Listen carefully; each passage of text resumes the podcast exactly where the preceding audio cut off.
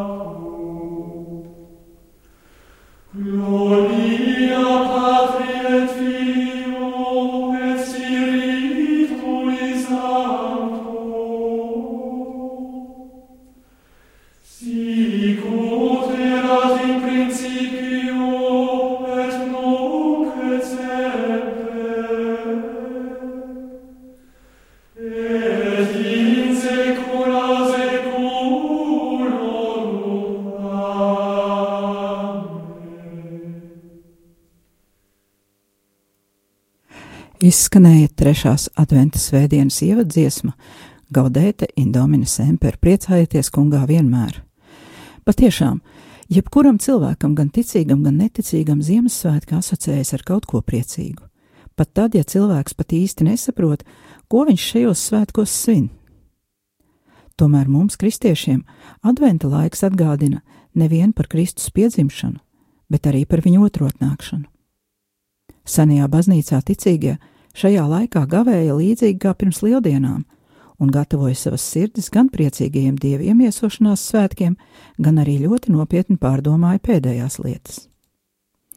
Gribu nolasīt kādu citātu no karmelīta māsas Terēzes Benedikts no Krusta, jeb filozofijas doktors Edīts Steins pārdomām. Citēju: Ziemassvētku laimi jau laikam ir pieredzējis ik viens no mums. Taču vēl debesis un zeme nav kļuvušas viens vesels.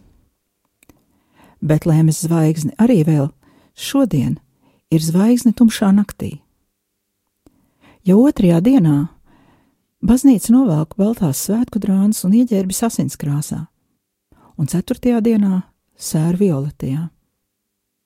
Stefans, pirmais no mocekļiem, kurš sekoja kungam nāvē, un nevainīgie bērniņi, Betlēmas un Jūdejas zīdaiņi, kurus nežēlīgi nokāva bendas rupjās rokas, stāva bērniņu silītē kā viņa pavadoņi. Ko gan tas nozīmē? kur palikušas debesspulku gavilas, kur svētās nakts klusā svētlaime? Kur, kur ir miers virs zemes? Miers virs zemes labas gribas cilvēkiem. Taču ne visi ir labas gribas cilvēki. Tāpēc jau mūžīgā tēva dēlam bija jānokāpj no debesu godības, jo ļaunuma noslēpums zemi ir ietins naktī. Un tālāk svētā turpina. Tiem, kas viņu uzņēma, viņš atnesa gaismu un mieru. Mieru ar tēvu debesīs, mieru ar visiem, kas tāpat kā viņi ir gaismas bērni un bērni tēvam debesīs, un dziļu iekšēju sirdsmieru. Bet ne jau mieru ar tumsas bērniem. Tiem miera ķēniņš nenes mieru, bet gan zobenu. Tiem viņš ir klupšanas akmens, pār kuru tiek rīt un sašķīst gabalos. Tā ir smagā un nopietnā patiesība, kuru mēs nedrīkstam ļaut aizklāt ar poētisko burvību par bērniņu silītē. Cilvēka tapšanas noslēpums un ļaunuma noslēpums iet cieši kopsolī. Citāta beigas. Edita Steina ir 20. gadsimta svētā mocekle, un viņa runā mūsdienu cilvēkam saprotamā valodā. Viņa nav apsēsta ar toleranci un grēka lobēšanu, pārprastas mīlestības vai pārprastas tolerances vārdā.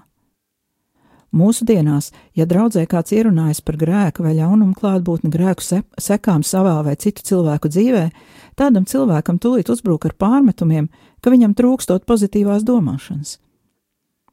Ja kāds ir kļuvis par citu cilvēku grēku upuri, viņam pārmet tiesāšanu un nepiedošanu, bet zem piedošanas maskas bieži vien slēpjas prasība grēkus racionalizēt un attaisnot, Izveidojies tāds nerakstīts likums kristiešu savstarpējā komunikācijā, ka ļaunumu nosāk, nosaukt vārdā ir sliktais tonis. Mums visiem ir jābūt tādiem pozitīviem, priecīgiem, smaidīgiem, it kā šī garīgā cīņa būtu zaudējusi aktualitāti. Un sātanam tikai to vien vajag. Viņš var izrīkoties ar cilvēkiem, kā vien tīk, visu citu acu priekšā, bet pozitīvie un mīlošie kristieši izlieks to neredzam. Atgādināšu, ka Katoliskās baznīcas katehisms punkts 2487 saka: Jebkurš pārkāpums pret taisnību un patiesību pieprasa, lai tas tiktu labots pat tad, ja vainīgiem ir piedots. Ja nav iespējams nodarījumu labot publiski, tad tas jādara slepus. Ja cietušajiem nevar atlīdzināt tiešā veidā, tad mīlestības vārdā viņam jāsaņem morāls gandarījums. Pienākums labot nodarījumu attiecas arī uz situāciju, kad ir grauta cilvēka reputācija. Morāliskajai un dažkārt arī materiālajai atlīdzībai jābūt samērotai ar nodarīto pārdarījumu. Sirdsapziņa uzliek šo pienākumu. Citāta beigas. Redzam, ka baznīca māca, ka cietušajiem ir jāsaņem gandarījums pat tad, ja viņš savam pārdarītājam ir piedevis. Un viņam netiek prasīts par katru cenu veidot draudzību ar pārdarītāju, kurš pat nemēģina labot savu nodarījumu sekas bet mēs bieži vien savā pārprastajā tolerancē eh, pārstājam, kā mūsu baznīca māca, eh, tolerēt vai mīlēt grēcinieku, un sākam jau tolerēt arī grēku. Bet Jēzus nenes mieru ar tumsas bērniem. Sapiens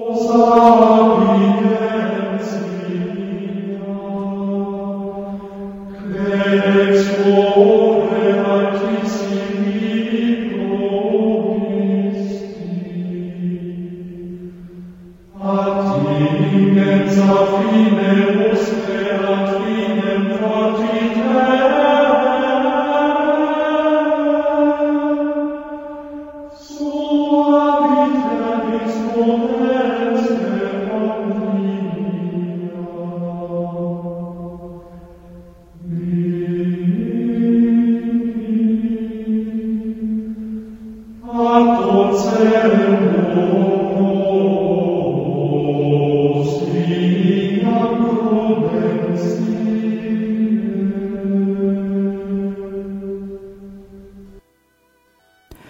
Ak, gudrība, kas nāca no visaugstākā lūpām, klātesoša no iesākuma līdz pasaules beigām un kārto visas lietas ar varenību un maigumu, nāc un iemāci mums staigāt saprāta un taisnības ceļus. Tā bija antifona no trešās adventa svētdienas, bet tagad turpināsim raidījumu, kā jau dzirdējām šajā priecīgajā svētdienā. Antifona aicina gudrību, lai tā nāk un palīdz mums sakārtot visas lietas un staigāt saprāta un taisnības ceļus. Mēs jau esam runājuši par to, ka teologo, te, teologālos tikumus Dievs it kā uzpotē uz cilvēka spējām. Atgādināšu - ticību uz prāta, cerību uz jūtām, mīlestību uz gribas. Un saprotam un arī esam runājuši par to, ka jebkuram gribas aktam ir sekas. Arī mīlestība ir gribas, gribas akts, un ja izvēlamies mīlēt, tam ir sekas. Un, ja izvēlamies nemīlēt, arī tam ir sekas. Tāpat arī jebkuram prāta aktam, jeb domāšanai ir sekas, par ko mēs arī jau esam runājuši. Piemēram, Pitagora teorēmas pierādīšanas vai matemātikas mācīšanās sekas ir attīstīts matemātiskais intelekts un loģiskās domāšanas iemaņas. Atkarīgu cilvēku domāšanas kompleksam sekas ir atkarība, jebkurai zināšanai ir sekas, jebkurai nezināšanai ir sekas, un arī negribēšanai zināt ir sekas. Jebkurai muļķībā balstītai runāšanai arī ir sekas un bieži vien baigas. Ja atceraties iepriekšējo raidījumu beidzu ar piemēru, kāds students bez faktiem, tikai uz personīgo aizspriedumu un fantāziju pamata publiski izteica savu viedokli par kādu pasniedzēju.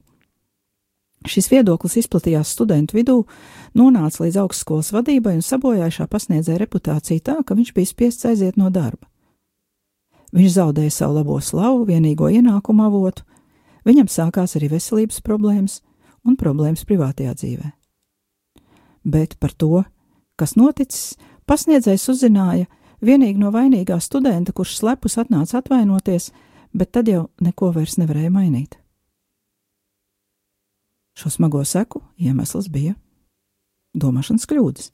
Pirmkārt, studenta domāšanas kļūdas, kurās viņš izdarīja secinājumus nevis uz pārbaudītu faktu, bet uz savu iedomu pamatu. Otrakārt, muļķībā balstīta sava nepatiesā viedokļa izplatīšana tādā veidā, ka klausītāji to uztvēra kā ticamu apgalvojumu. Treškārt, savu darbu seku neapzināšanās, nedomāšana par savu darbu sekām, un, protams, arī kroplīga morāli vai audzināšanas trūkums varbūt. Un redzam, ka pat ar atvainošanos nekas netika labots. Sekas apmelotā cilvēka dzīvē palika ļoti dziļas un objektīvas - sagrauta karjera, veselība, zaudēts iztikas avots. Arī jebkurai muļķībā balstītai paklausībai var būt baigas sekas. Briesmīgākais piemērs laikam ir Ādolfs Eikmans, kurš trešajā reihā atbildēja par ebreju jautājuma galīgā atrisinājuma tehnisko pusi, respektīvi par ebreju tautas iznīcināšanu.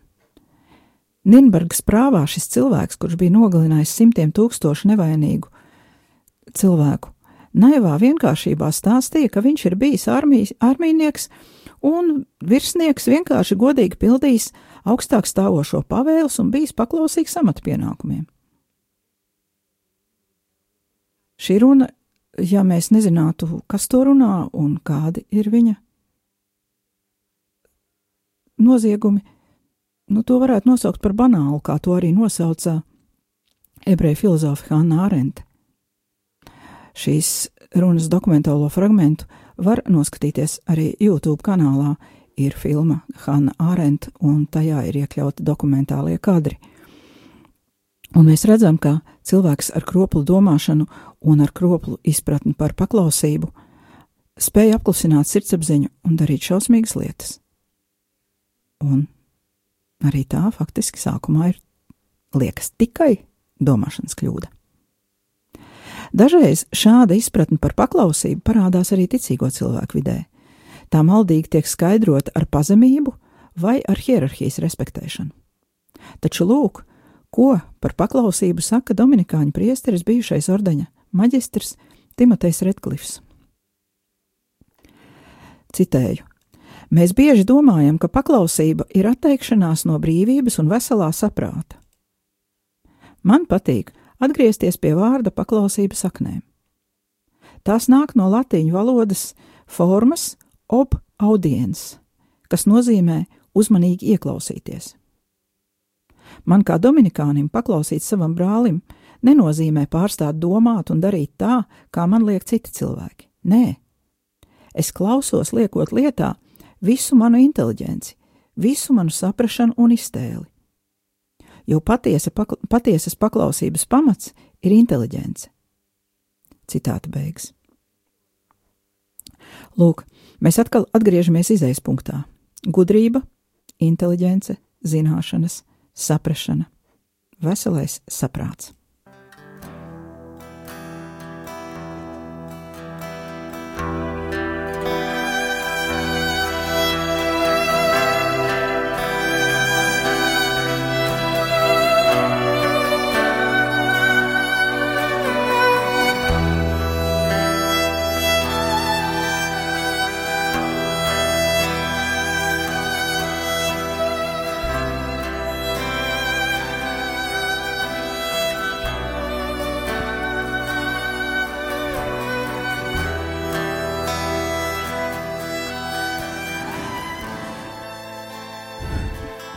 Tā kā dievišķās gudrības trūkums, jeb stulbums vai muļķība, ir visu citu grēku pamats, kā to saka Akvīns Toms, tad nevaram aizbildināties ar savu nezināšanu, ja ir runa par visiem pieejamām zināšanām vai tā saucamo dzīves gudrību, kur mēs apgūstam ikdienas situācijās.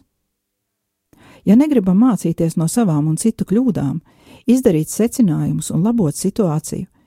Iepriekš minētais muļķības jeb stulbuma grēks turpina pār mums valdīt un radīt citus grēkus.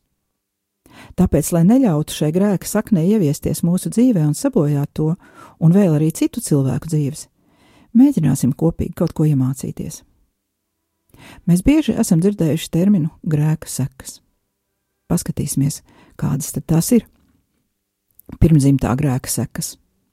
Lai gan Jēzus nāve mūs ir atbrīvojusi no vainas, sekas ir mūsu miesas vājums, vecā rēta, kuras dēļ mēs salūstam kārdinājumu priekšā un atkal zaudējam mums Jēzus upuru dāvāto otro iespēju.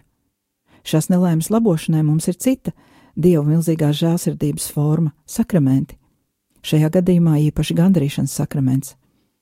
Un par gandarīšanas formām mēs parunāsim kādreiz atsevišķi. Tālāk ir mūsu pašu izdarīto grēku sekas, žēlastības stāvokļa zaudēšana un kaut kāds materiāls dabas ļaunums, kas nodarīts citiem cilvēkiem. Piemēram, ir nozagta kāda manta, pārkāpta laulība, nepatiesi liecināts vai kaut kas tam līdzīgs. Šeit atkal mums palīdz gandarīšanas sakraments, kura darbības nosacījumi ir visiem zināmi. Patiesa nožēla, vēlēšanās mainīt savu dzīvi un gandarīšana, atbilstoši padarītiem grēkam un situācijai. Gandrīšanu uzliek priesteris, bet ja mēs pa īstam jūtam nožēlu, tad arī paši sev varam uzlikt kādus gandrīšanas darbus, bet veselā saprāta robežās. Vislabāk konsultēties ar bikstēvu. Visgrūtāk ir saprast savus grēkus tad, ja pašam liekas, ka es taču citus tajā neiejaucu un tas attiecas tikai uz mani. Piemēram, pornogrāfijas skatīšanās, regulāra pārēšanās, dzeršana vienatnē, masturbācija un tam līdzīgas lietas. Taču šeit ir vairāk būtiski faktori, kur liecina par grēka klātbūtni un liecina arī par grēka smagumu. Šie faktori ir gan fiziski, gan garīgi. Pirmkārt, piekopjot attiecīgo nodarbi, mums pašiem nemanot, lēnām mainās mūsu uzvedība un attieksme pret citiem cilvēkiem, pret pienākumiem, pret darbu. Precīzi runājot, mainās mūsu domāšanas veids. Parasti tas notiek nemanāmi, un pašiem liekas, ka viss ir kārtībā, bet no mūsu grēkiem sāk ciest pilnīgi neiesaistīti un nevainīgi cilvēki. Otrā lieta - neatkarīgi no tā, vai citi zina par mūsu grēkiem, mēs paši sev pārcērtam saikni ar dzīvo Dievu un vairs nespējam saņemt to, ko Viņš savā mīlestībā nekad nebeidz mums dot. Tā zūd vispirms Dieva klātbūtnes izjūta, un ar laiku Dievs mūsu iztēlē kļūst no drauga par ienaidnieku. Mēs zinām, ka baznīca nav atsevišķa individu kopums, bet tā ir Kristus miesa, un mēs visi caur Kristu esam saistīti mistiskā vienībā. Tāpat kā katra svēta cilvēka vai mocekļa nopelna ceļu visu baznīcu, tieši tāpat katra cilvēka grēks vienalga, atklāts vai slepens, gremdē visu baznīcu. Protams, ka neviens grēks nav un nevar būt lielāks par dieva žēlastību, taču tas neatceļ baznīcas miesas ciešanas, tās locekļu grēku dēļ. Citu cilvēku grēku sekas. Šis ir visgrūtāk saprotamais un izrunājamais temats. Tas ir saistīts ar iepriekš minētajām personīgo grēku sekām, taču ir vēl daudz plašāks un dziļāks. Citu cilvēku grēkus mēs gandarīšanas sakramentā neapspriežam, jo mūsu atbildība ir tas, ko mēs paši esam izdarījuši taču citu cilvēku grēki var atstāt mūsu dzīvē ārkārtīgi dziļas un grūti labojamas sekas. Šeit ir meklējama atbilde uz mūžseno cilvēku jautājumu, kāpēc pasaulē pastāv ļaunums un ko tajā brīdī dara Dievs. Dievs šajā brīdī mums sniedz vislielāko dāvanu - brīvību, kura mūs dara līdzīgus pašam Dievam. Tādēļ mums ir vara piedalīties to notikumu veidošanā, kuri notiek ar un ap mums, Tā ir vislielākā dieva dāvana, kur viņš mums nemitīgi dod un kuru mēs nepareizi izmantojam, vai arī neizmantojam nemaz. Dieva atbildības daļa ir dot mums visus līdzekļus, lai mēs būtu laimīgi.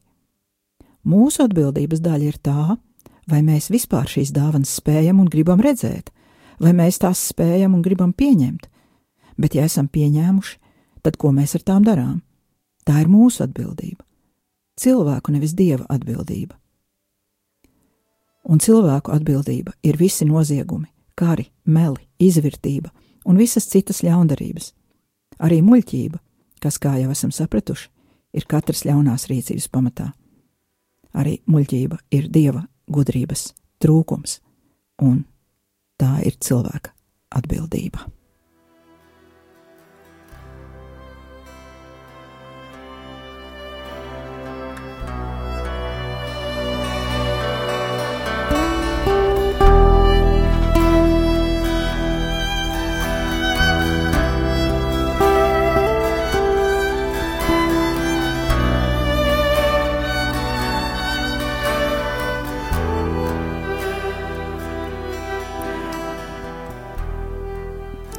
Tagad es vēlētos pieskarties kādai lietai, kura mums visiem ir ļoti labi pazīstama. Tā ir slimīga interese par citu cilvēku privāto dzīvi, līšana svešās ģimenēs, fantazēšana par cilvēkiem, kurus tikpat kā nepazīstam, un savu fantāziju pacelšana publiskas patiesības līmenī, kā jau minēju iepriekš piemērā. Šeit es nerunāju par to, ka vispār nebūtu jāinteresējas par citu cilvēku dzīvi. Piemēram, ir ļoti daudz labu grāmatu, kuras ir sarakstītas par ievērojumiem cilvēkiem, un mēs varam ļoti pozitīvi izmainīt savu dzīvi, mācoties no viņu piemēra, saņemt iedrošinājumu. Mēs, katoļi, varam ļoti iedvesmoties no svēto dzīves aprakstiem, meklējot informāciju, kur ir plašāka nekā īsie svēto dzīves apraksti, kur atrodami draudži izdotajos materiālos. Šobrīd ir pieejami interneta bezgalīgie plašumi, un Rīgā ir uzbūvēta jauna biblioteka, kurā var atrast daudz izcils informācijas. Ja pirms atmodas laika tenku izdevumu praktiski nebija, tad pašlaik, paskatoties preses kiosku skatlogos, ir grūti atrast kādu izdevumu, kurā nebūtu šādas tenku sadaļas. Tas ir tikpat neiztrūkstoši kā horoskopu lapa. Presē es esmu lasījusi intervēto cilvēku protestus, jo nereti izrādās, ka šķietamā intervija ir žurnālistu mākslīgi izveidota, saliekot kopā vecu interviju fragmentus, kuri vairs nav patiesi attiecībā uz konkrēto personu.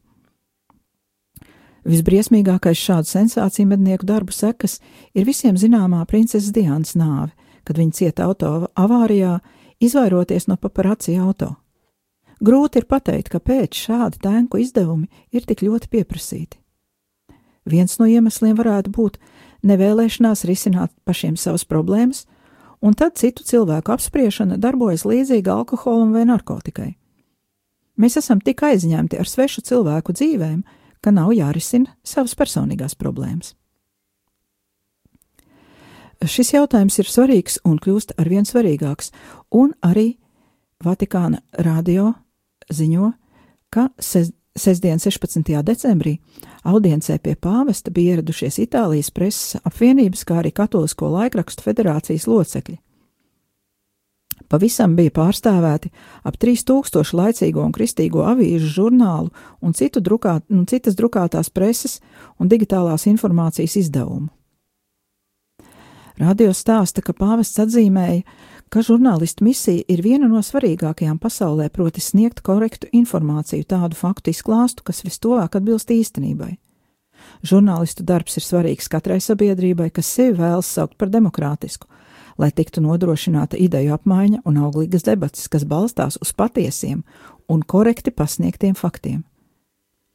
Mūsu laikā, kurā bieži dominē stress un ātrums, tiekšanās pēc sensācijām, pārkarsēta emocionalitāte ir ļoti ir ļoti nepieciešama uzticama informācija ar pārbaudītiem datiem, kuras mērķis nav pārsteigt un izraisīt emocijas, bet audzināt lasītājos veselīgi kritisku attieksmi, kas tiem ļauj uzdot jautājumus un izdarīt motivētus secinājumus. Pāvests norādīja, ka tādā veidā varēs izvairīties no vieglprātīgiem saukļiem vai no tādām informācijas kampaņām, kuru mērķis ir manipulēt ar patiesību, uzskatiem, Tāpat svētais tēvs aicināja neiekrist tā dēvētajā komunikācijas grēkā, jeb dezinformācijā, kas nozīmē atspoguļot tikai daļu patiesības, vai vēl jo sliktāk, Ja kāds tiek apmelots, nomēlnots, meklējot vecas sen pagājušas lietas un ceļot tās mūsdienu gaismā. Tie ir ļoti smagi grēki, kas nodara postu cilvēkiem, un paša žurnālists sirdī teica pāvests. Citāta beigas. Lūk, tāds ir pāvesta viedoklis, un tas saskan arī ar to, ko mēs runājām nevis attiecībā uz žurnālistiem, bet arī paši uz sevi. Un vēl atvadoties, gribētu nolasīt fragmentiņu no apstuļa Pāvila vēstules tesaloniķiešiem, kura tika lasīta vakar misē. Brāļi, vienmēr esiet priecīgi, nemitīgi lūdziet, lūdzieties, Par visu esiet pateicīgi, jo tāda ir Dieva griba Kristo Jēzu attiecībā uz jums. Neapslāpējiet garu, neniciniet pravietojumus, bet pārbaudiet visu. Kas labs to paturiet, no visa ļaunā turieties tālu. Un pats miera Dievs, lai jūs svētī visā pilnībā tā, ka jūsu gars, dvēsele un miesa tiktu saglabāti bez vainas mūsu Kunga Jēzus Kristus atnākšanai. Tas, kas jūs aicina, ir uzticīgs, un to viņš izdarīs. Citāta beigas.